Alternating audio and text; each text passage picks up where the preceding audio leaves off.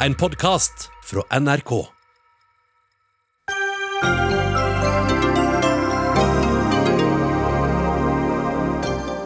Donald Trump har fått påvist covid-19. Nå er symptomene på sykdommen begynt å dukke opp.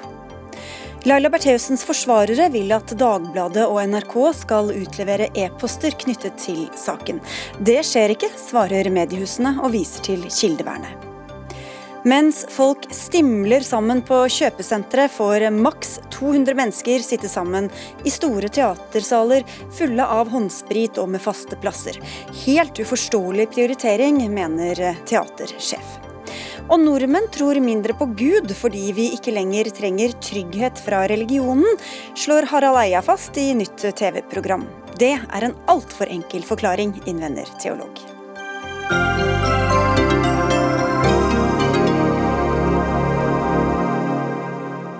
Det er bare noen av sakene i Dagsnytt 18 her eh, i NRK1 og på NRK P2 i dag. Jeg heter Sigrid Solund.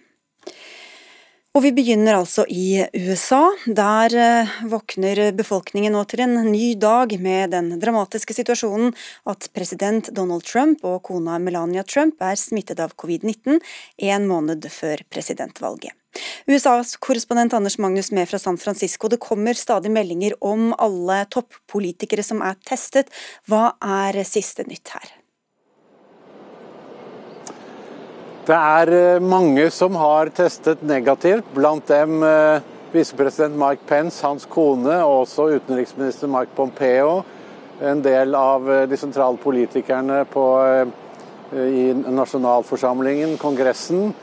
Men det kommer også inn meldinger om folk som har testet positivt. Blant dem er Ronald McDaniel, ikke så kjent navn i Norge, men hun er leder for det republikanske partiet og har vært med Trump på mange eh, arrangementer og sikkert vært ganske tett på ham.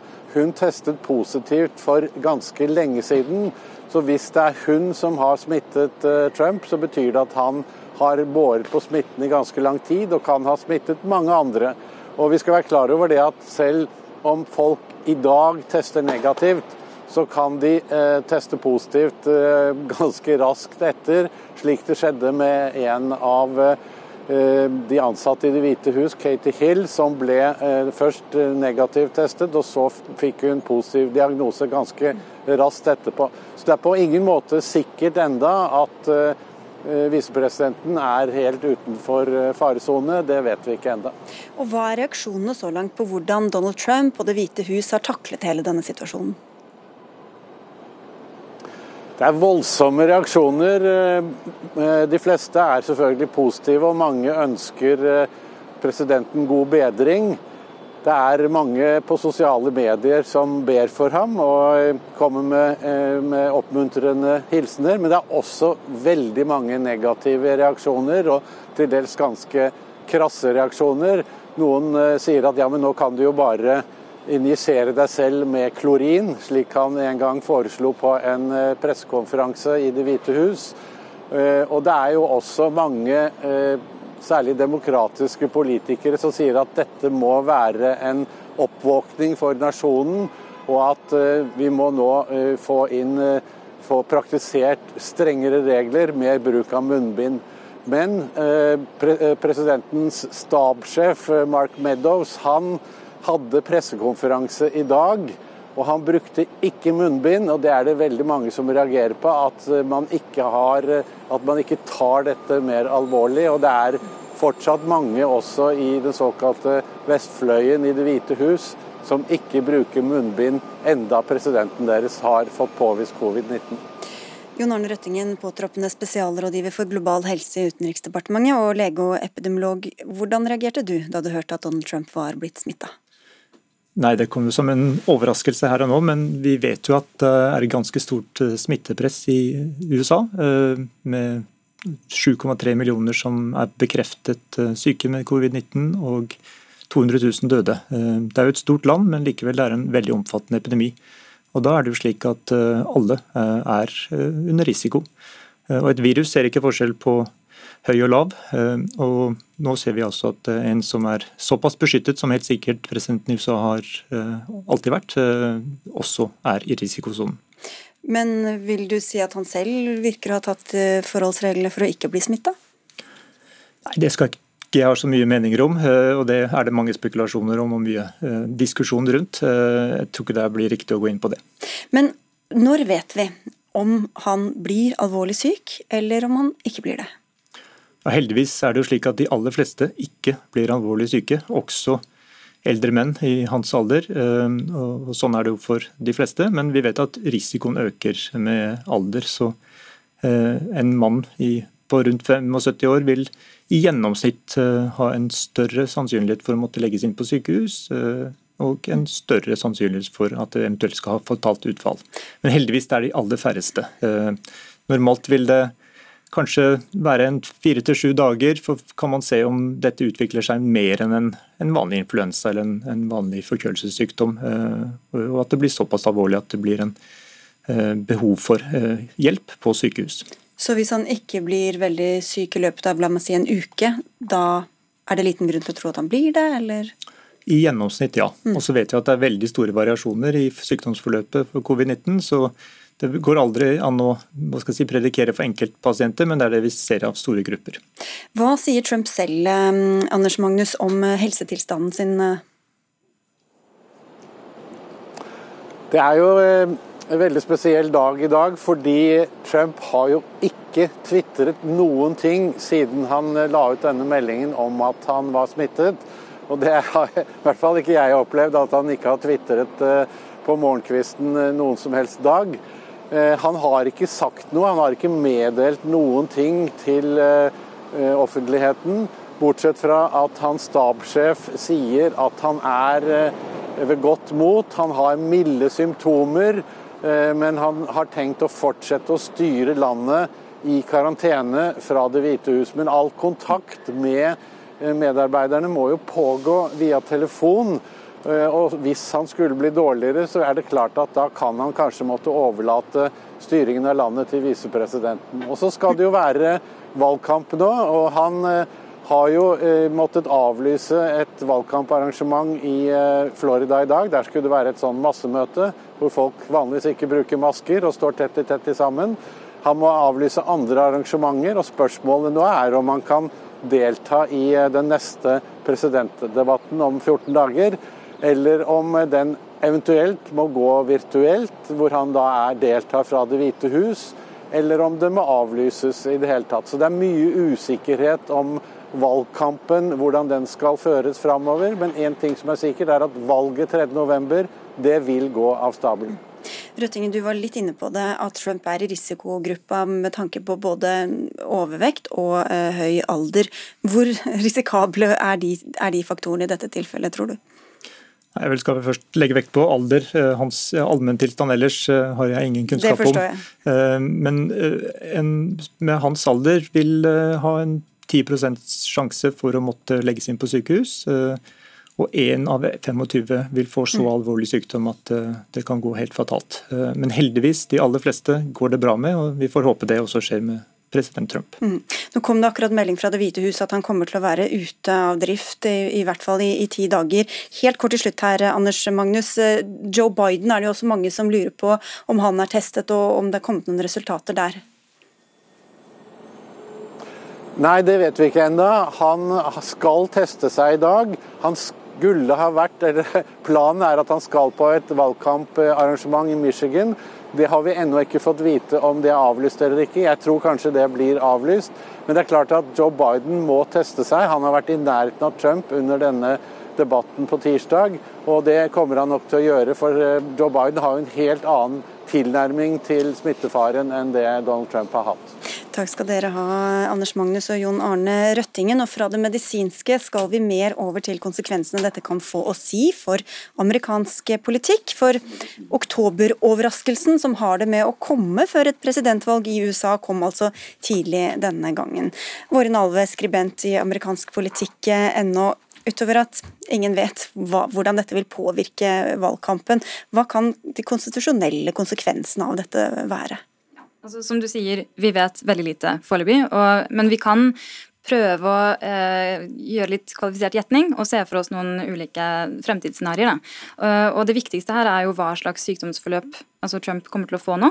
Uh, blir han uh, asymptomatisk, forblir han asymptomatisk gjennom denne karanteneperioden, eller isolasjonsperioden, så vil jo altså, det Altså tilnærmet frisk? Ja, ja. Mm. så vil jo det egentlig si at han kan drive valgkamp fra Det hvite hus digitalt, eh, og han kan også jobbe eh, hjemmefra.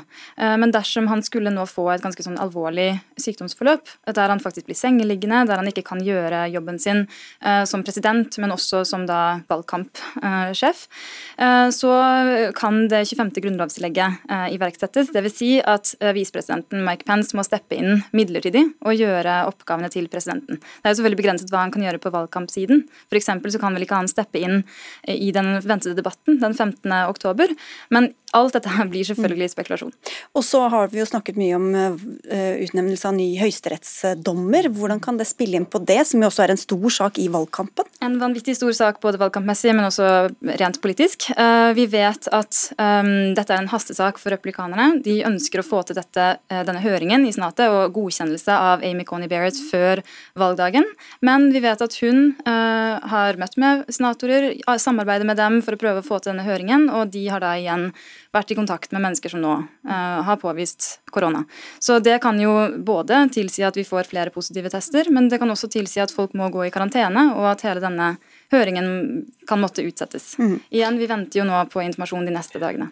Bli med videre, Alme. Lisa Coopers, tidligere styreleder i Democrats Abroad eh, Norge. Du sier at du håper demokratene klarer å være civil about it. Ja, absolutt. Jeg, jeg, tror når, eh, når jeg først hørte at uh, Trump fikk covid, så, så, egentlig så viser det hvor sårbare vi er som global nasjon. Ja, eller som, som, global verden, hvis man kan si det. Det, det, jo, det er litt ironisk, og ikke minst når du har en president som har tilgang til det beste medisinske apparat og utstyr. Eh, overrasket var jeg nok ikke, eh, pga. han har en helt forakt for reglene, for masker og har disse store forsamling, men, men sårbarhet følte jeg plutselig for hele verden, og virkelig håper. Og jeg ser at de fleste demokratene har ikke vært eh, så negative. Det er faktisk en senator fra Georgia som har gått ut, som er republikaner, som har sagt at dette er Kina sin feil, det er de som må stå for ansvaret. Så, så jeg tror det, det blir veldig interessant i de neste par dager å se hvordan begge sider reagerer. Vi skal høre med deg også, Vincent Baugh. Du er nestleder i styret i Republicans eh, Abroad, altså Republicans eh, Trumps parti. Det, tror du at demokratene viser seg fra sin ville side? Ja, jeg tror det er bare neste par dager er vi tilbake til det, det normale. Fordi uh, ok, akkurat nå ok, alle presidenten Fordi uh, vår president, hele Amerikas president. ikke sant? Så akkurat når det er akkurat som like, for eksempel når Kennedy ble skutt, og når FDR var på, var, Når han stod opp etter Republicans convention i 1934 og sa at 'nå står jeg opp'. Og det var en moment for det amerikanske folk. Så akkurat nå har vi en moment for det amerikanske folk. Men etter det har gått over som, Amerika, som amerikaner, er, amerikaner er, we go tilbake til krig mot hverandre. Franklin, altså Franklin D. Roosevelt var FDR, som du refererte Franklin til. Delano Roosevelt, ja. yes. Men, men, tror du ikke at, at, eh, man kan la seg, altså at, at, det vil påvirke valgkampen, denne sykdomstilstanden i det hele tatt? Ikke til noe særlig glad, for, jeg, for å være ærlig. Jeg tror ikke det. Fordi de kan si, de demokratene kan si oh, ja, det er så, så mye baksnakking om virus, ikke sant? Men for å være ærlig, det, det har ingenting med faktum det han har, har, har, har hatt den virus. Han har hatt det virus, viruset er over, tilbake til hverdagen. Mm. Sånn er det. Ja, du har ganske mange antagelser der, at, eh, og det er liksom akkurat som hvordan sa hva, hvordan ble syk, sykdommens forløpe. Men, én ting som er eh, riktig og, og viktig å huske, er at eh, covid-strategien er demokratenes uh, nummer én prioritering. Uh, vi har mange annonser der ute som snakker om Bidens måter å håndtere det. og Det er akkurat det som jeg tror kommer til å skje helt frem mot valget. At man begynner å se forskjellen i de ulike strategiene, eller total manglende strategi når det gjelder covid-håndtering. Ja, bare, bare spår. Hva med det amerikanske folk? Hva med det som skjer med det amerikanske folk? Covid er ikke alle som, som skjer i Amerika. Covid er ikke, det, det, det, fremste. Det fremste er hva skal skje med økonomi? Hva skal skje med andre ting? Men, men, dette med covid-håndteringen, Alme, kan det gjøre det vanskeligere eller enklere for demokratene å kritisere Trumps håndtering av pandemien, tror du? Igjen avhengig av hva slags sykdomsflukt. Jeg må bare presisere. Det er veldig mye vi, vi Det er tidlig i forløpet her. Ja, veldig mye vi ikke vet. Um, men altså, uh, jeg tror jo at um, dersom Trump må steppe ned denne altså valgkampen sin, så vil også uh, altså Joe Biden for eksempel, gjøre det samme ut av respekt, og at vi da går inn i en, en fase med mindre valgkamp. Um, men jeg tror jo også at dette her, um, Det spiller jo rett inn i det budskapet som Biden har forsøkt å kontre Trump med. Uh, der altså, Vi må bruke munnbind, vi må ta dette alvorlig. Um, og under debatten som nylig var da, mellom, mellom Biden og Trump, uh, så satt jo da hans familie og hans støttespillere uten munnbind i salen, selv om det var påkrevd da fra, fra Cleveland-stedet der hvor debatten ble holdt. Så, så, Sånn sett så undergraver jo det på en måte litt av budskapet til Trump, når selv da presidenten og hans nære rådgivere kan, kan få det regler encompasser alle. Det er mange mange folk som ikke har den covid-greia. Bare fordi det, det presidenten har den, han har bare én mann. En mann. Det er andre folk som ikke har det, som har andre, andre ting å være opptatt med. Du trenger ikke å være fokusert på covid hele greia. Det er andre ting som det, det, det USA trenger. Men, men, men da, da, tror jeg, og, og hvis republikanerne virkelig mener det du sier, da, da har de glemt at det, det, ligger en direkte linje med hvordan man klarer å gjøre noe med covid, og hvordan vi klarer å gjenåpne. Eh, I dag så var Dow Jones ned 500 poeng, ja, så man kan glemme en gjenreising av økonomi om ikke man får eh... en, ja, ja, en dag med nedtur, er, er det over with Are they, oh no, things are going, going to hell in a handbasket. Jeg tror ikke det. Nei, Det er altså en av børsene dere snakker om. Men, men Cooper, eh, noen husker kanskje at Donald Trump gjorde narr av Hillary Clinton eh, i forrige runde, da hun fikk lungebetennelse og ikke klarte å gå helt ordentlig ut på et arrangement i 2016. Tror du at noen kan føle litt på at de vil ta igjen litt eh, nå når Trump er blitt syk? Absolutt, men, men, samtidig jeg tror at du har medier som prøver å lete etter fakta og forstår egentlig konsekvensene. Jeg tror det er flere scenarioer som om han dør, uh, er også en, en andre scenario. Men du, du, har vanlig publikum, så jeg tror her kommer du å se en eksplosjon på Twitter, på Facebook og andre medier som kan lage relativt ufine scener og video og fortellinger. Uh, så det kommer, men jeg tror også Kongressen er mer opptatt av kan vi komme til legislate fremover. Hvordan you know, skal vi håndtere disse ulike scenarioene scenario. Hva skjer om både Pence og Trump dør? men, og, men både disse, altså disse, spekulasjonene og konspirasjonsteorier og alt, de er jo ute for lengst, Våren vår med overalt uh, på internett. Ja, Det mangler ikke på det, og det har det aldri gjort i amerikansk politikk. um, men, altså, men jeg, bare for å ta det poenget, at um, det er ikke sikkert dette her uh, får noen effekt valgkampmessig. Det, og det vet vi jo. Altså, um, mange, mange mennesker har allerede stemt i USA, forhåndsstemming er i gang. og det er ikke alle som altså, det demokratiske budskapet er jo å koble økonomien tett til helsepolitikk. ikke sant? Altså vi, kan ikke, eh, vi kan ikke få en sunn økonomi uten uh, å bedre hele situasjonen med korona. Men det er jo ikke alle som gjør den koblingen på den måten. og Meningsmålinger så langt viser jo at um, veldig mange velgere uh, ser ikke Trump som ansvarlig for uh, nedgående økonomi. De ser det som et resultat av noe som er utenfor hans kontroll. Så, så det, er, det, er viktig å ha det i mente, at det er, det er en drøss med saker folk um, bryr seg om. Mm. Og det er ikke alltid korona på en måte blir linket til alle de sakene. da. Vi får bare håpe at flest mulig holder seg friskest eh, mulig på tvers av alle partiskillelinjer. Takk skal dere ha, i hvert fall alle tre. Lisa Cooper, tidligere styreleder i Democrats Abroad Norway, til Vincent Boe, som er nestleder i styret i Republicans Abroad, og til skribent ved amerikansk politikk.no, Vårin Alme. Hør Dagsnytt 18 når du vil. Radio NRK NO.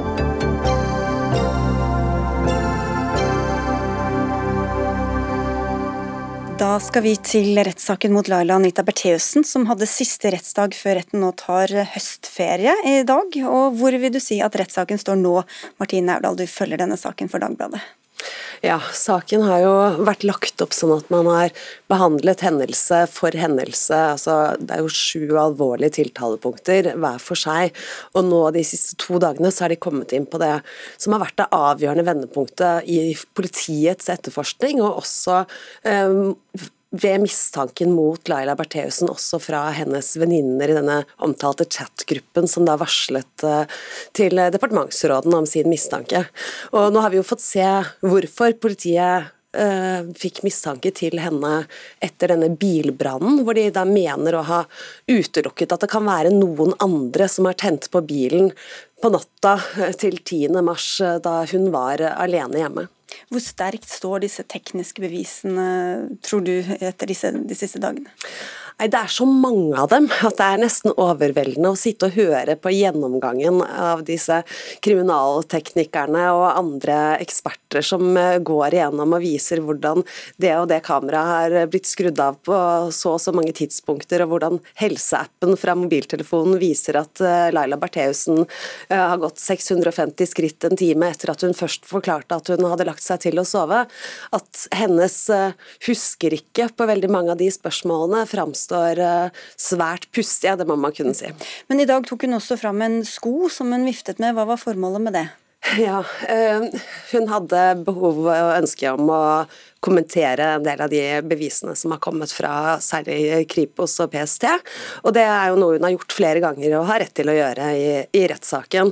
Og i dag så kom hun inn for å for å gå ut mot PST og si at ja, men hvor sannsynlig er det egentlig at jeg, hvis jeg skulle ha gjort dette, hadde satt bilen på det mest synlige stedet på tomta, rett ved det kameraet som jeg visste fungerte, og at jeg hadde drukket vin og, og kost meg, for deretter å ha gått ut og helt rødsprit i bilen uten å søle på verken klærne mine eller skoene. Og her er skoen, og den har ikke blitt eh, vasket siden eh, denne natta, og det er ikke funnet en dråpe rødsprit på den. Det som vi skal snakke om, som det også handlet om de siste dagene, er hvorvidt Dagbladet NRK skal utlevere en e-postkorrespondanse. Hva går det ut på? Forsvarerne har jo begjært etter straffelovparagrafens 125 tredje ledd, som det heter. Altså den som handler om at retten kan overkjøre kildevernet og kreve materialet utlevert fra pressen. De vil at eh, den dialogen som har vært mellom en journalist i NRK og en i Dagbladet, skal utleveres eh, fullstendig med metadata. Det er jo da e-poster fra noen som hevder å være gjerningspersonene i denne saken. Mm. Og det er selvfølgelig uaktuelt både for Dagbladet og for NRK. Ja, Og som sier at hun er uskyldig og at det er andre de som har gjort ja, det. Ja, som sier at det er de som har gjort det, og at de er en gruppe i VIP-form. Og hvorfor leverer dere ikke bare de e-postene og de dataene som hører til Marius Tetli, fagredaktør i NRK Nyheter? Eh, det er et grunnleggende prinsipp i ethvert eh, fritt samfunn at kilder eh, som oppsøker mediene, skal ha et vern.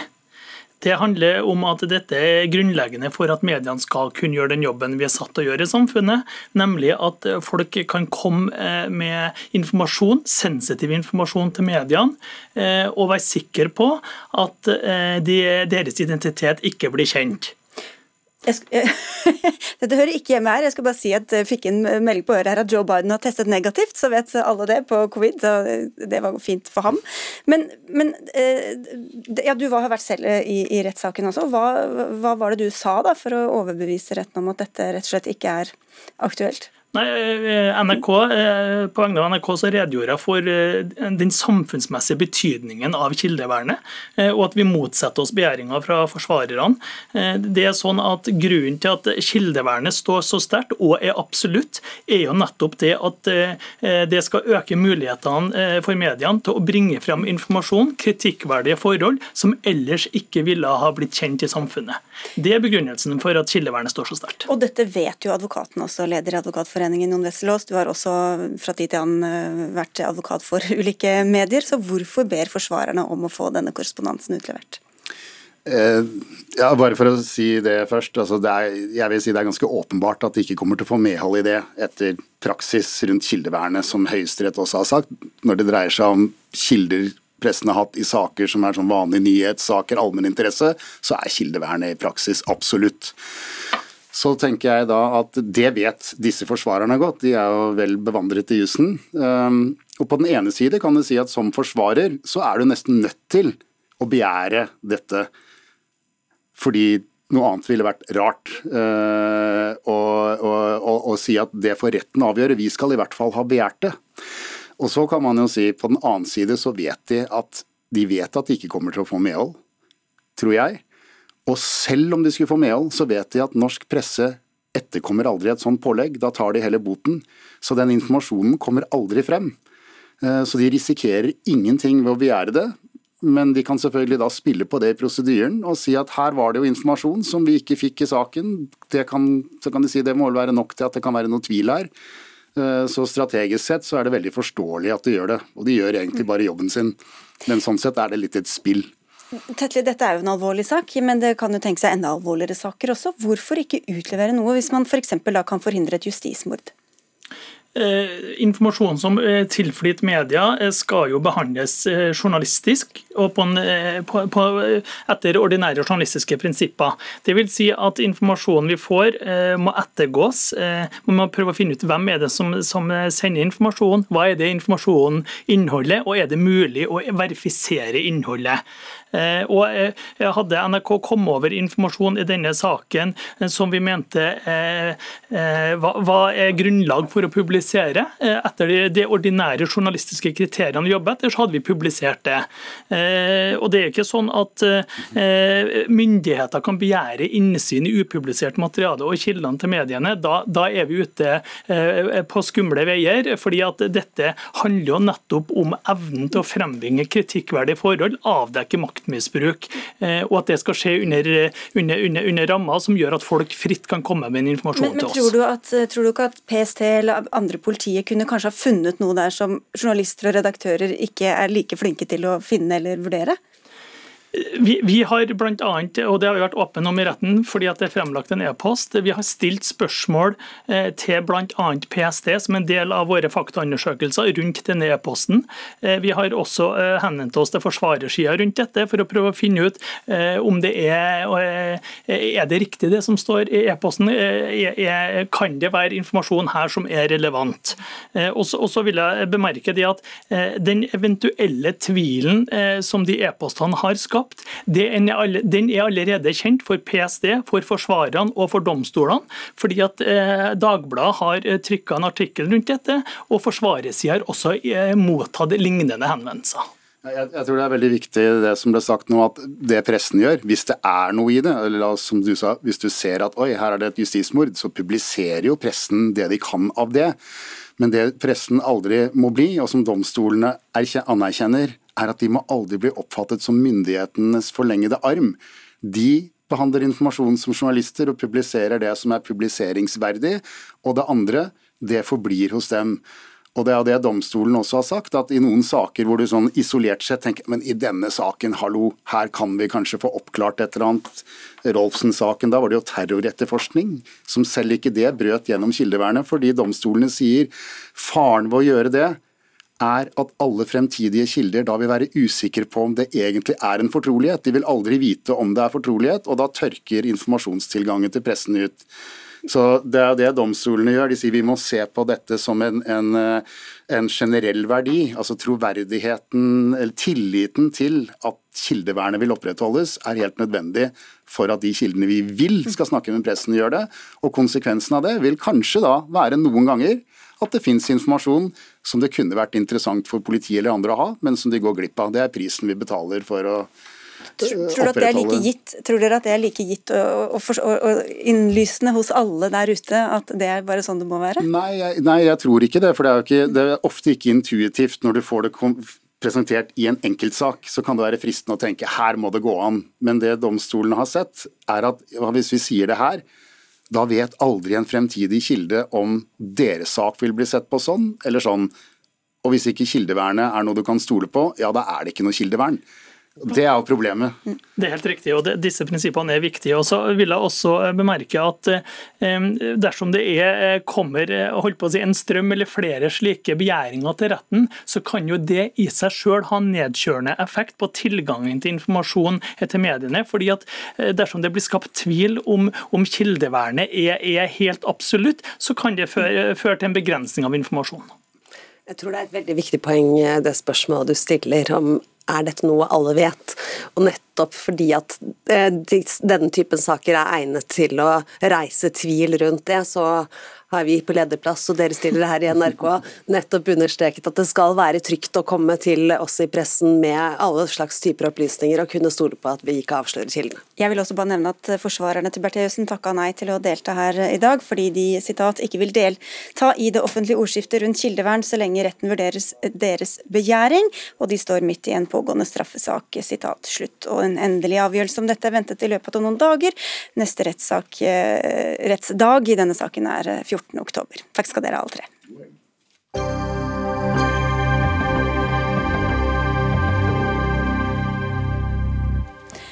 Hva er årsaken til nordmenns manglende religiøse tro? Svaret Harald Eia er kommet fram til blir møtt med kritikk, og det blir mer om det mot slutten av denne Dagsnytt 18-sendinga. Men nå skal det handle om skolen, som har fått nye læreplaner denne høsten. Og med dem bør også hjemmeleksene forsvinne, sier du Kjersti Lien Holte. Du er førsteamanuensis i pedagogikk ved Høgskolen i Østfold og forsker på nettopp lekser og viser til mer digitalisering, mer dybdelæring som elevene skal ha nå. Hvorfor er det et argument mot hjemmelekser? Uh, ja, altså det jeg har gjort er at jeg har eh, forska på leksefrie skoler, eller leksebevisste skoler, som noen velger å kalle seg. Uh, og Det som er felles for de fleste av de skolene, det er at de har blitt leksefrie som følge av en lang Eh, altså en eh, profesjonell eh, faglig utvikling, pedagogisk utvikling, hvor de da ser på fagfornyelsen som en sånn kjempestøtte for den utviklingen de har gjort. Da. Og En av de tingene som er felles for de skolene, er at de har kutta ut lærebøker og bruker digitale verktøy, enten Chromebook eller iPader. Eh, og eh, leksene har jo tradisjonelt sett vært veldig lærebokstyrte. sånn eh, når de har tatt vekk lærebøkene, så har det blitt naturlig for dem å, å også ta bort leksene. Og med fagfornyelsen så har du Verdiløftet, som fokuserer veldig på menneskeverdet. At det er, skal, være skaperglede, engasjement og utforskertrang hos elevene. Og veldig mye av leksene har vært repetisjonsarbeid. Eh, så det henger lite sammen med den utforskende elevrollen da, som disse skolene bygger opp rundt. Da. Ok, så, så, det de har gjort er på en måte å komme i forkjøpet den utviklingen som alle skal inn i nå? Da, ja, sånn du kan jo si det at Fagfornyelsen er jo en sånn naturlig utvikling av den pedagogiske utviklingen som har vært i Norge over tid. Så de ungdomsskolene som jeg har undersøkt, de, for dem så starta det her med ungdomstrinn i utvikling-reformen. Eh, og Den ligger jo på en måte bare til grunn for fagfornyelsen som har kommet nå. Mm. Mathilde Tubring-Gjedde, du sitter i utdannings- og forskningskomiteen for Høyre. Fagfornyelsen gjør at leksene blir overflødige. Det blir vel ikke bedre enn det? Ja, Det er jo et eh, bekymringsfullt eh, forvarsel jeg får høre her nå. Eh, jeg er jo uenig at det er det fagfornyelsen gjør. Ja, fagfornyelsen skal sikre at man jobber mer i dybden med fagene, man skal utforske, undervisningen skal være mer variert og praktisk. Men det er ingen motsetning til å kunne for jobbe da, med grunnleggende lesing, skriving og regning, ha mengdetrening og øve på det, og jobbe selvstendig også hjemme. Snarere tvert imot. Jeg har aldri opplevd at man kan lære dybden i et fag og se sammenhenger på tvers av fag dersom man ikke har øvd eller jobbet litt med mengdetrening. Leselekser, det å jobbe grunnleggende regning, det er en veldig viktig del av elevenes læring. Og gode, tilpassede lekser kan være et verktøy som lærerne bør få lov til å bruke. Men det kan vel være mengdetrening bare at den skjer på skolen, da? Ja, det er det som skjer med de leksebevisste skolene. De legger til rette for mengdetrening i forhold til både lesing og regning, alle de grunnleggende ferdighetene. Og når elevene går hjem fra skolen, så går de til en fritid hvor de selv kan velge mer hva de vil gjøre på fritiden. Eh, og det som de har erfart, er jo at eh, mange av de elevene som har blitt oppfatta som sånn tradisjonelt skoletrøtte og umotiverte, plutselig sitter og gjør eh, matte eller regner og leser frivillig. Da. Altså, vi har en del nasjonal og internasjonal forskning på lekser. Gode, tilpassede lekser som kan gi noe mengdetrening og øving, gjør jo at elever både lærer mer og også lærer seg å jobbe selvstendig og få gode arbeidsvaner. Og så er ikke lekser én ting. Og jeg syns det er litt rart å bruke digitalisering som et argument mot lekser. Fordi at Digitalisering kan jo nettopp gjøre leksene bedre. Nettopp ved at du lettere kan få tilbakemelding for læreren din. Nettopp som vi har sett kanskje har vært utfordringen noen ganger med dårlige lekser. Og så er det litt rart å si at det jeg er opptatt av, at elever som kommer hjem og som kanskje ikke har foreldre som er så ressurssterke og stiller dem spørsmål om hvordan det har gått på skolen, for dem så kan jo det å få lekser faktisk gjøre at de jobber litt mer med skolen og også lære mer. Så jeg mener jo at det å på en måte, Man skal ha fritid, ja, men det går jo an å gi gode lekser som også gjør at elevene kan utforske og skape også på fritiden. Ja, det er jeg helt enig i. Altså, man kan gi lekser som gjør at eleven utforsker. Problemet er at sånn som lekser ble praktisert før, for vi undersøkte også det, det var det første leddet i lekseprosjektet ved Høgskolen i Østfold. Da undersøkte vi hvorfor og hvordan eh, lærere praktiserte lekser i barneskolen. Eh, når 161 internasjonale studier viser at det hadde liten eller ingen effekt på læring. Hvorfor bruker man så mye ressurser på det da? Eh, men det vi har... Du bruker ikke så mye ressurser på det. det man, jo... man bruker mye ressurser på det, og det som de leksebevisste skolene som jeg har forska på nå, sier helt klart og tydelig, det er at bruken av teknologi gjør at repetisjonen og mengdetreningen blir så effektiv på skolen at de egentlig ikke trenger å gjøre det. Ja, men, men, Betyr det bare at man egentlig burde endre leksene, eller at man burde fjerne dem? For det du sier kan vel like gjerne tolkes som at da må man bare få bedre lekser? Jeg eh, tenker at Hvis du har lekser som er utforskende oppgaver, Eh, hvor eleven kan gå hjem og kanskje involvere hjemmet sitt i utforsking, det tenker jeg er en bra lekse, og en lekse som er i tråd med fagfornyelsen. Så det er ikke sånn at jeg tenker at fagfornyelsen gjør at lekser forsvinner helt. Med fagfornyelsen så har de også innført eh, livsmestring og folkehelse som et tverrfaglig tema. Eh, og på de leksefrie skolene, leksebevisste skolene som mm. jeg jobber med, så har de da innført helsefremmende lekser. Men jeg, jeg må si her at det, det å si at fagfornyelsen med fokus på livsmestring, demokrati og medborgerskap, at det står i, står i, motsetning til å jobbe også med mengdetrening for å nettopp kunne få lov til etter hvert å fordype deg i et fag. Det mener jeg er en feiltagelse. Og leselekser f.eks. vet vi har vært veldig viktig. Hvor med du leser hjemme, mengdetrening på det, også i fritiden, hvor du involverer foreldre, er også veldig viktig for at elevene skal mestre helt grunnleggende lesing. Det er ikke enig i det hele tatt. Fordi, eh, altså det, det, har man også en del, eh, del forskning på. Men, men, hvorfor kan man ikke heller gjøre alle til leksebevisste skoler, da? Som, hvis vi vet at leksene sånn som de praktiseres i dag, i, i, stor grad ikke fungerer. Ja, men man vet jo, For det første så vet man ikke det, men for det andre så er jo, jeg mener at alle skoler skal være leksebevisste skoler. altså sko Lærerne som, en, som et, en profesjon må jo bruke de verktøyene de mener er viktige for at deres elever skal mestre. Og jeg mener at det, det å på en måte si at det skal være helt opp til elevene når de kommer hjem, hvorvidt de f.eks. setter seg ned og leser bøker, det er en oppskrift også på å forsterke sosiale forskjeller, og det er svært bekymringsfullt. Det er, det er helt feil mye av det du sier nå. For det første så er det jo sånn at leseferdighetene til norske elever i dag er veldig dårlige. Eh, og eh, det du argumenterer for, er at eh, du vil fortsette å gi lekser på samme måte som man har gjort de siste 20 årene. Hvis du fortsetter å gjøre det samme som vi har gjort de siste 20 årene, så vil vi bare få det samme dårlige resultatet som vi har gjort. Men det virker naturlig at hvis man leser mye hjemme, så blir man flinkere til å lese? Det kommer helt an på hvordan lesingen foregår. Og Arne Svingen han har gjort en undersøkelse blant gutter altså forfatter? Ja, forfatteren Arne mm. Svingen har gjort en undersøkelse blant gutter i 10. klasse om hva som skal til for at gutter skal lese mer. Eh, og En av de tingene de sier er at de må få lov til å lese mer frivillige bøker. Eh, og slippe å svare på oppgaver etterpå. Og Det som bekymrer meg litt med det du sier, da, det er at Eh, det, det, det, virker som du ikke har noe tillit til at elevene selv kan gjøre noe. Nei, altså, Å ville gjøre noe. At de er avhengig av å bli pålagt. Det er ikke, det er ikke, det er ikke enig men jeg mener at jeg stoler på at gode, dyktige lærere som er en profesjon, kan vurdere hva som er riktige, gode lekser for sine elever, og gi også riktig mengde på de leksene, og utforming av det. Ja, Nettopp fordi de kjenner sine elever. Nei, men Det er jo det man må bygge skolen på. At profesjonen har en verktøykasse og tar i bruk ulike verktøy for at elevene skal mestre. Det er jo det jeg har troen på. Jeg går jo ikke inn og detaljstyrer hva en skole eller en lærer skal gi lekser. Nei, men du mener, men at mener... de skal detaljstyre elevens fritid? Nei, men jeg mener at det å, det å, gi elevene oppgaver som de kan øve på hjemme, hjemme, kan også faktisk gjøre at de jobber selvstendig og også lære mer. Og jeg har ikke troen på at det å si at de ikke skal gjøre noe hjemme, at det fører til at elevene lærer mer. Nei, det er jeg enig i. Altså, du kan si Det de har gjort på Ramberg skole i Moss f.eks., det er at de har lagd et leksebrev da, eller ukebrev som er tilpassa de ulike behovene eh, elevene er. Sånn at de har på en måte de, de, de, pålegger ingen å gjøre lekser, men de gjør det mulig for de som har lyst, å lett ja, kunne gjøre en del. Det sosiale forskjeller for de som ikke har engasjerte foreldre hjemme, og det mener jeg Da er vi i gang med en endelig debatt. Dere, vi sier takk for denne, og så får dere heller møtes igjen. Kjersti Lien Holte, førsteamanuensis i pedagogikk ved Høgskolen i Oslo, og Høyres Mathilde Tybring-Gjedde.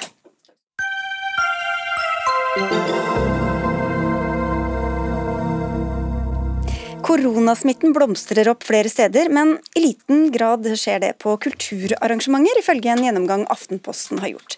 Likevel rikker ikke regjeringa på grensa de har satt, på maks 200 personer per arrangement. Og det provoserer deg, teatersjef ved Det Norske Teatret Erik Ulfsby. Hvorfor er dette feil, mener du? Ja, altså provosere meg var kanskje å dra på litt, men, men, eh, det er i hvert fall sånn at jeg har eh, latt meg forundre litt over uh, hva skal vi si, hvor lavt ned på prioriteringslisten store, åpne kulturinstitusjoner er. da. ikke sant? Vi har noen arenaer som ligger veldig godt, altså hvor det ligger veldig godt til rette for godt smittevern. Det er god plass, det er nummererte seter hvor folk sitter på en gitt plass i et gitt tidsrom, og vi vet hvem de er. Vi har telefonnummeret deres. ikke sant? Eh, og Vi har selvfølgelig alle mulige eh, tiltak rundt innslipp og utslipp og eh, antibac og alt sånt. så jeg er litt overraska over at man har ventet såpass lenge med å differensiere innenfor denne sektoren. Da, og det, det, tenker jeg nå er på høy tid. Ja, Hva mener du burde vært et, et godt tall for, hos dere f.eks.? Nei, hos oss kan man jo, altså Vi har 760 eller 738 er vel seter nå på hovedscenen. Man kan absolutt se for seg at vi kunne sluppet inn to kohorter av 200 hos oss. Vi har innganger oppe og innganger nede. ikke sant? Og du har enda større arenaer som Operaen, Grieghallen, Olavshallen osv. Hvor det ligger veldig godt til rette for liksom, godt og trygt innslipp og utslipp. Og man sitter stille på en uh, stol, og man snakker ikke. Mm. ikke sant? Så, så helst tanke, ikke, i hvert fall. Helst ikke, nei, nei det kan hende. Men, men uh, med tanke på hvilke andre arenaer man holder oppe, hvor mulighetene for, for smittevern er mindre, så tenker jeg at det også er en, et slags kulturpolitisk statement. da. Da tenker du på kjøpesentre og sånne typer? Ja, f.eks. Ja. Mm. som er rundt oss. ikke sant? Og du ser jo at i Danmark nå, altså Det gjorde jo inntrykk på kulturlivet i Norge å høre den danske statsministeren si i en pressekonferanse om innstramninger i et land med vel så mye smitte som hos oss, så gjør den et helt tydelig unntak for sittende publikum på kulturarrangementer. Der skal det fortsatt være 500, sier hun. Og Hvorfor skjer ikke det i Norge, Kristin Ørmen Johnsen, du sitter i familie- og kulturkomiteen på Stortinget og representerer Høyre? Ja, nei, Jeg skjønner veldig godt at det er uh, frustrerende. Uh, og vi vet veldig godt og har uh, stor tillit til at kulturen håndterer smittevern. Mm. Og Det gjør iallfall at publikum som kommer, de 200, føler seg veldig trygge. Det er en det, det er behov for å si det. Det er jo alltid en avveining. Eh, som eh, leder i kulturkomiteen så er jeg selvfølgelig veldig utålmodig på vegne av kulturen. Eh, samtidig så ser jeg det at man må åpne gradvis. Og, og få kontroll over smitten, og så starte gradvis åpning. Og nå har man jo begynt. Eh, og Det gjelder jo bl.a. store altså fotballarrangementer hvor eh, arenaene dette er ute tar tusenvis av mennesker. Og det er ikke mer enn 600 der heller. Men, men, når vi vet da, eh, hvor smitten foregår, og Helsedirektoratet har sagt at det ikke har vært noe særlig smitte, ikke noe smitte i det hele tatt, så vidt jeg vet, på disse arrangementene, fordi de har vært så flinke til å, å følge mm. smittevernreglene, hvorfor ikke belønne dem som viser at de klarer å ha kontroll? Nå tror jeg veldig mange klarer å ha kontroll uh, i Norge. Jeg vil også berømme restaurantnæringen, som har veldig god kontroll. De har jo også mange færre bord enn det de pleier å ha til vanligvis. Og det er mange, vi er veldig flinke på det. Og Det er jo nettopp derfor vi kan uh, åpne opp. Og så har det jo vært en, uh, Før sommeren så var det en dialog mellom kulturbransjen, som Kulturdepartementet fasiliterte, mot Helsedepartementet, nettopp for å fortelle om hvordan kulturbransjen gjør det, eh, og for å skape en forståelse også for i Helsedepartementet, Helsedirektoratet og Folkehelseinstituttet hvordan eh, man kan åpne for flere eh, mennesker. Og vi ser jo nå at det åpner sakte, sakte opp. Sånn at jeg tenker Vi må ha litt tålmodighet, vi må ha litt mer kontroll. Det er jo det helsemyndighetene sier før vi kan slippe, slippe opp. Det handler jo alltid om dette at liksom, til sammen så blir det for mye, og alle snakker for sin egen syke mor. Eh, Ulfsby. Ja, ja, selvfølgelig, men, men, eh, det er ingen som er uenig, heller ikke i kulturlivet, tror jeg, at ting skal åpne gradvis. Men det blir jo likevel en prioritering hvilken rekkefølge du åpner ting i. Eh, og Det er klart at det handler ikke bare om kulturlivet og alle de tusenvis av arbeidsplassene. Det handler også om vil jeg si, folkehelse helse i et videre perspektiv. Det er viktig for folk å kunne komme ut og få et avbrekk i en ellers krevende høst. Det er viktig med underholdning, det er viktig med refleksjon, det er viktig med de rommene. Det, så, så, altså, I Norge så har det inntil nå vært viktigere med Ikea-festivalen enn uh, enn med kulturarrangementer.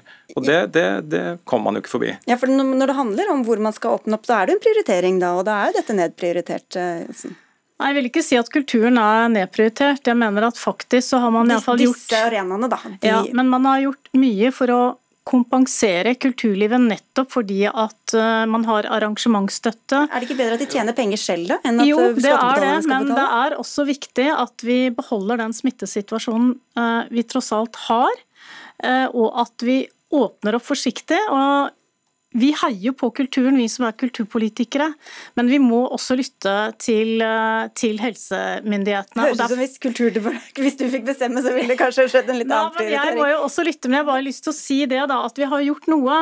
For fra 12. oktober så er det jo sånn at før så var det jo to seter imellom på kinoer og på arrangementer. Nå vil det faktisk være ett sete mellom. Så sånn sett så kan man slippe inn flere folk. for de store salene så vil, ikke det, så vil det fortsatt være 200 men jeg vil jo også si selvfølgelig at altså, jeg forstår jo dette, kulturlivet forstår også dette. Det har vært gjort veldig mye bra uh, i, i, hele denne krevende situasjonen politisk. Men, men det, er, altså, det, det, er prioriteringer, og da er det en forskjell på en prioritering i Norge og en prioritering i Danmark på dette området. Og Det, altså, det finnes helsemyndigheter i Danmark også, ikke sant? Så, så, så, det er vanskelig å på en måte snakke seg rundt at det er en prioritering. Men samtidig, selv om du sier dere si at, altså, For nå, nå tenker jo ikke jeg på kompensasjonsordningen eller økonomi i seg selv, jeg bare tenker på viktigheten av kulturuttrykk i denne tiden, og forskjellen på å snakke til få og snakke til mange hele tiden. ikke sant? Sånn at, uh, ja. men, men, til dette med smittefare, så er det jo Dere har jo kontroll, som du sier. Dere kan uh, ha god avstand og antibac og alt det der. Men samtidig så skal jo folk på toalettet, de skal komme seg til teatret. Det blir jo mer bevegelse i samfunnet når dere åpner opp uh, utenfor teater. Altså, ja, det er jo ikke altså, bare inni den salen jeg, at altså, Vi har kontroll på en måte altså, Det har vært liten eller ingen smitte på arrangementer av denne typen. Men, men det er klart verken jeg eller noen av mine kolleger kan sitte og utstede en garanti mot at det liksom skulle bli noen smittesituasjon uh, på et kulturarrangement. Men, men uh, altså, ja, Poenget ligger fast med at, med at, hva du åpner, altså bevegelser som du snakker med samfunnet, vil du ha når du åpner noe. Og hva du åpner og hvilke prioriteringer du gjør i den rekkefølgen, det det, det er jo selvfølgelig et signal. det er jo ikke Sånn jeg vil si at Kultur som du sier, er viktig, og det er viktig at vi sammen opplever et teaterstykke eller en konsert eller hva det måtte være.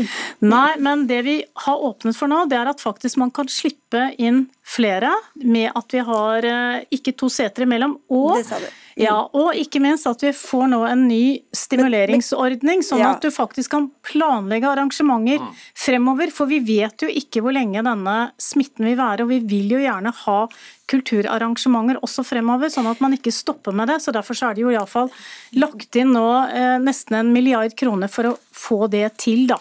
Dere får smøre dere med tålmodighet, eh, Erik Hulsby. Vi heier på dere, vi får si det. Det kan du jo ta med deg da. Takk skal du ha, Kristin Ørmen Johnsen fra Høyre.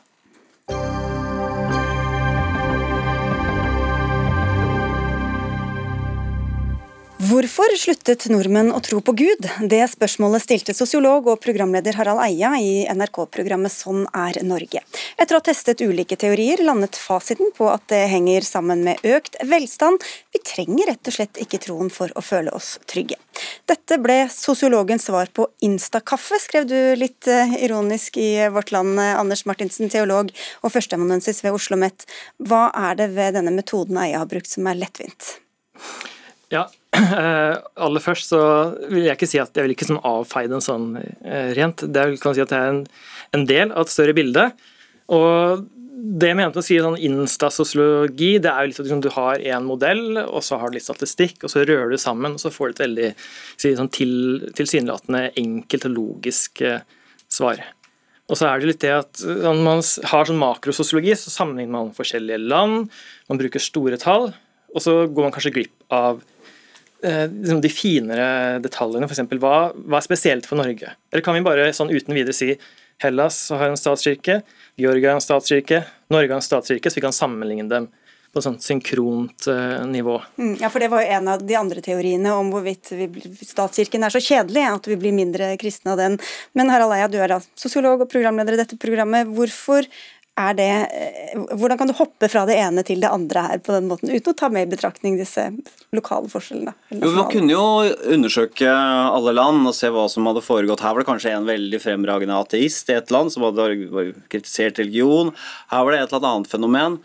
Og Det er jo også interessant, men når man zoomer ut og ser da på et mønster, og et sånn typisk mønster Jeg tok med en liten plansje her som viser sammenhengen mellom score på FNs indeks for menneskelig utvikling, som er et sånn samlemål på hvor godt liv er, lykke og penger og masse sånne ting, og religiøsitet, så ser du ikke sant, dette tydelige mønsteret. I fattige land, nei, i land hvor det er lav skåp FNs eh, indeks for menneskelig utvikling, så er det veldig mange religiøse. Men når livet blir bra, så er det da blir det færre religiøse.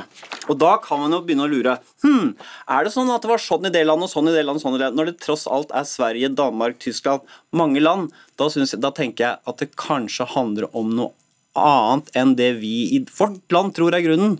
Og da nemlig at livet er blitt bedre. Ja, Er det ulike forklaringer i alle forskjellige landene når det er ett parameter som, som peker i én retning? det er, det er, selvfølgelig noen likheter, og de landene som uh, kommer frem på den scoren der, det er ikke hvilke som helst land, det er f.eks. de nordiske protestantiske uh, landene. Da regner vi også kanskje med Nord-Tyskland, selv om ja, Sør-Tyskland har høy, eh, høy andel katolisisme. Uh, men det er, sant, det er, ikke tilfeldig at det er de nordiske landene. og kan si hvis man leser sånn eldre tekster fra 50 sånne ting, så har jo mange sånn akket seg over, særlig Sverige, som en sånn sosialistisk eh, Eh, paradis eh, som har vært gudløst, eh, og man har liksom klødd seg til hodet hvorfor si, har man den avreligiseringen av Norden. Jeg tror at for eksempel, Det som kanskje ikke ser på, er den sosiale funksjonen. Hvordan, læres, altså hvordan innlæres tro og hvordan overføres tro. Og En eh, sterk tendens i f.eks. Norge har jo vært at man har hatt en statskirke, og det har vært en samarbeidsprosjekt mellom kirke og stat. Når det, si det, det gradvise bruddet som vokser frem på 1900-tallet oppstår, f.eks. at konfirmasjonen som obligatorisk fra 1912 forsvinner, så er det klart, da mister kirken liksom den innsosialiseringen. og Man ser sånn, eh, at det begynner å komme et skisme. Derfor skriver jeg jo at uh, Harald Eia behandler Eh, Norge som det ikke fantes før 1947. det er da din tidsregning begynner her, ja. Nei, ja, hva sa du? Er det da tidsregningen din begynner? Nei, men Det er da vi har tall, gode tall fra. Så jeg tror ikke det var noe særlig Jeg tror det var enda flere religiøse før 1947, hvor nesten alle trodde på Gud. Ja, eh, det kan nok hende at det er eh, sånne ting, men vi har jo flere tall enn som så. da. Vi jo, kan jo følge utviklingen i andre land som ikke er protestantiske. Når de får det bedre, så blir det færre religiøse. Og i land det, som har fått det verre, så blir det flere religiøse. Så eh, jeg vil jo tenke sånn Er det noen motsetning her? Eller jeg vil spørre deg, for Du er eksperten her, tross alt. og Jeg refererer bare til forskning. Det er ikke noe jeg suger til eget bryst. Nei, nei, Jeg skulle ikke lagt så vekt på bryst her, men det Og sett på meg samtidig, eller? jeg vet det. Unnskyld. så, det jo, eh, så derfor så lurer jeg på tenke, altså, I hvert land så Da Norge på en måte organiserer ting på en annen måte, det blir, man lærer mindre om kristendom, så er det sånn det foregår i hvert enkelt land når folk generelt blir mindre opptatt av Gud og religion. Tror du ikke det? At det er sånn det faktisk foregår. Så det er ikke noen motsetning mellom å beskrive de konkrete, hvordan det skjer i hvert land, og det overordnede, nemlig at det åndelige behovet for Gud går ned. Når vi får det bedre materielt. Ja, ja. Eh, nei, da, man kan jo selvfølgelig lage noen sånne fine formler. Eh, og, og, Hadde man hatt en, eh, en god programmerer og en kraftig algoritme, så kunne vi laget noen modeller og spådd når religionen forsvant. For jeg ja. tror det er helt klart uh, mulig å se noen altså å se at det her er noen uh, Altså, det er inne på noe. Uh, så det er jo liksom kunstig å sette på sånn Nei, mm. dette kan ikke stemme overhodet. Men det er jo også litt det med det åndelige behovet. Er religion uh, kun håper jeg, et svar på et behov? Vi, skal, vi, tar den litt videre, fordi du er blitt en veldig omtalt mann i vårt land, eh, Harald Eie. Og du eh, kommenterer også på dette programmet i dag, Elise Kruse. Du er konstituert religionsredaktør i Vårt Land og ser det fra en litt annen vinkel. Men du også sier at dette blir litt for lettvint. Ja, jeg gjør jo det, på en måte. Jeg syns jo det er et, eh, veldig interessant, det, hele programmet og det, det Eia peker på her. Jeg tror det, det, har mye for seg, men jeg zoomer nok da kanskje heller litt inn istedenfor å zoome ut. Eh, og kjente nok etter å ha sett dette programmet at eh, nei, denne her eh, kjærlighetsrusen og den der voldsomme tryggheten og følelsen av at Gud er med deg hele tida og passer på at det er en mening bak alt, da, den tryggheten opplever ikke er i min tro, da, og opplever kanskje, opplever kanskje ikke heller at så veldig mange av de troende er i mitt forklaringen på at de som bor i krigsherja land f.eks. er mer religiøse, at de føler den tryggheten. Men den tryggheten føler ikke nordmenn i sin tro, da? Jeg tror nok ikke at det er sånn at de 30% som sier de tror på Gud i Norge, eh, alle har det forferdelig og derfor velger å, å, å, å tro på en gud. Eh, og jeg tror nok heller ikke, og kanskje enda viktigere poeng for meg, er at jeg er liksom redd for at vi skaper en oppfatning at det er veldig enkelt å tro. Eh, Og at kristentroa kommer med enkle svar på ting og enkle løsninger. Så tror jeg nok veldig mange opplever det motsatte, at det heller blir vanskeligere å tro på, på en gud på mange måter. Ja, Det er vel hovedpoenget. Ja, nei, men det, det er jeg ikke uenig i, som det heter. Altså, jeg, tenk, jeg tenker jo at uh, når man beskriver sånne store mønstre Jeg skal jo løse et mysterium. Sånn er Norge handler om. Hva er spesielt med vårt land? En ting som er spesielt, er å få tro på Gud. Hva kommer det av? ikke sant? Så kunne jeg selvfølgelig gå inn i alle de enkeltskjebnene, men jeg må se til de store mønstrene. Uh, og det er at uh, hvis du lever i et krigsherjet land, hvis du mister barnet ditt, som er så forferdelig, så, tenke, er, så kommer det noen og sier det er en mening med det. Det er en mening med dette her. Det er forferdelig for deg, men det skjer for en grunn. Også hvis du ber og gjør dine plikter, så vil dette gå bra. Det er en sånn stressdemper. Og det, ikke, og det er ikke hele historien om religion. Det er mange som tror på Gud av andre grunner, men den effekten der, når det stresset slipper, så medfører det at veldig mange slutter å tro. Ikke alle, for det er mange veier inn i religiøsitet, men jeg ser på de store mønstrene, og da blir sånne ting som det borte, det Men, men det, for det, det kan hende at det, er et, at det er en grense, da. At hvis du har eh, at, at den forklaringsmodellen slutter å virke på et eller annet, eh, Ja. et eller annet nivå. Og det er en annen ting som har en veldig sterk effekt på at folk mister troa, det er at kvinner begynner å jobbe. Det fikk jeg ikke tatt med i programmet. For mor er ofte hun som forvalter religion, det gjelder i islam også, hjemme. Når hun ikke sant, passer på at alle ber og går i kirken og moskeen og sånn. Når hun begynner å jobbe, da, så faller det litt. Så det er en veldig farlig kraft. Ja, ikke, ikke gå til det, men jeg, altså, jeg beskrev den sosiologien som litt gammeldags. og det, Når du liksom beskriver dette behovet at man skal bli forklart en mening, så går vi litt i den, det man kaller funksjonalisme, eh, som eh, man eh, håper jeg, sikkert du kjenner til. Og liksom det hele tiden å forklare, så Det må være sånn en rasjonell forklaring. Hvordan kan den religiøse troen svare til et sånn samfunnsmessig behov og gå inn i en sånn samfunnsmessig orden? Og Det igjen tror jeg er en litt sånn for enkel eh, forklaring. Og, og det er ditt poeng også, Kruse, å si at det er litt typisk at det kommer fra en ateist eh, som Ja, det er jo det. Men jeg syns også det er interessant at du, at du ser på det som en stressdempo da, At man forteller noen at det er en mening med at de f.eks. mister barnet sitt, eller står i det mest meningsløse i livet, og så kommer noen og forteller at det skal være en mening bak det. Jeg tror veldig mange religiøse opplever det som veldig frustrerende. Så utgangspunktet er feil, da, i teorien? eh, Ja, det vil jeg jo kanskje si til en viss grad. da. Øker men det- konflikten istedenfor å dempe den. Det er ikke, verdibørsen, Dette er bare en oppvarming til verdibørsen. Den kommer i morgen. Liksom. Ja, nei, altså, altså du tenker at ikke sant? Fordi Hvis du, du mener at de som tror i dag, det er ikke folk som lever under veldig stress, f.eks. Jeg har faktisk ikke sett på tallene, men det hadde faktisk vært gøy å undersøke om det er folk, at folk med dårlig råd f.eks. ofte er religiøse i Norge. Om folk som sliter på andre måter, ofte tror. eh, Om det er et mønster her. Det kan hende. Jeg, jeg er villig til å vedde 500 kroner på at det er det, men Jeg vedder deg imot det. Nå snakker vi. Oi, hvem, hvem skal undersøke dette? Det må bli deg, det, da? Nei, Eller jeg, jeg er jo ikke sosiolog, jeg, jeg jobber med historie. Så.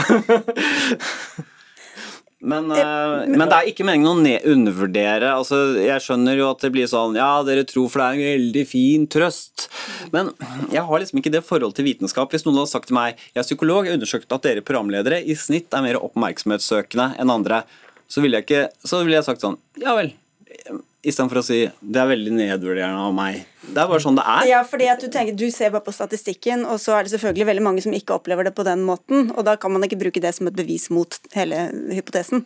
Nei da, og det er jo heller ikke meninga. Det jeg prøver å på en måte sette ord på, er nok det at det jeg opplever at du peker på, er, det er det veldig mye rett i, men det liksom minner meg om en sånn oppfatning som jeg opplever også er i den større samtale, offentlige samtalen om tro, som er en sånn tanke om at eh, ja, det må være så deilig å tro, det må være så trygt å tro, og liksom alltid tro at det er en mening bak det, og så er det sånn Nei, men det er ikke det. Det er kjempefrustrerende og provoserende og utfordrende og vanskelig i stor grad. Du må få oppsøke litt mer problemer man allerede har. Og det, Det, det, det, det gjør vi kanskje i et samfunn som Norge, der hvor vi har det så bra. Ja. Så oppsøker vi i større grad grad vi fikk kan en si- ny, en ny teori. Ja, det er sånn risikosport, liksom, å utsette seg for fare og vanskeligheter. Jeg skjønner. Ja, men det er interessant. Ja, og det vil bare følge med i Vårt Land i dagene som kommer, vil jeg tro, for oppfølging her. Vi må takke dere alle sammen, Harald Eia, Anders Martinsen og Elise Kruse, for Dagsnytt 18 er over for i dag og tar helg. God helg ønskes fra Dag Dørum, Lisbeth Sellereite og meg, Sigrid Solund.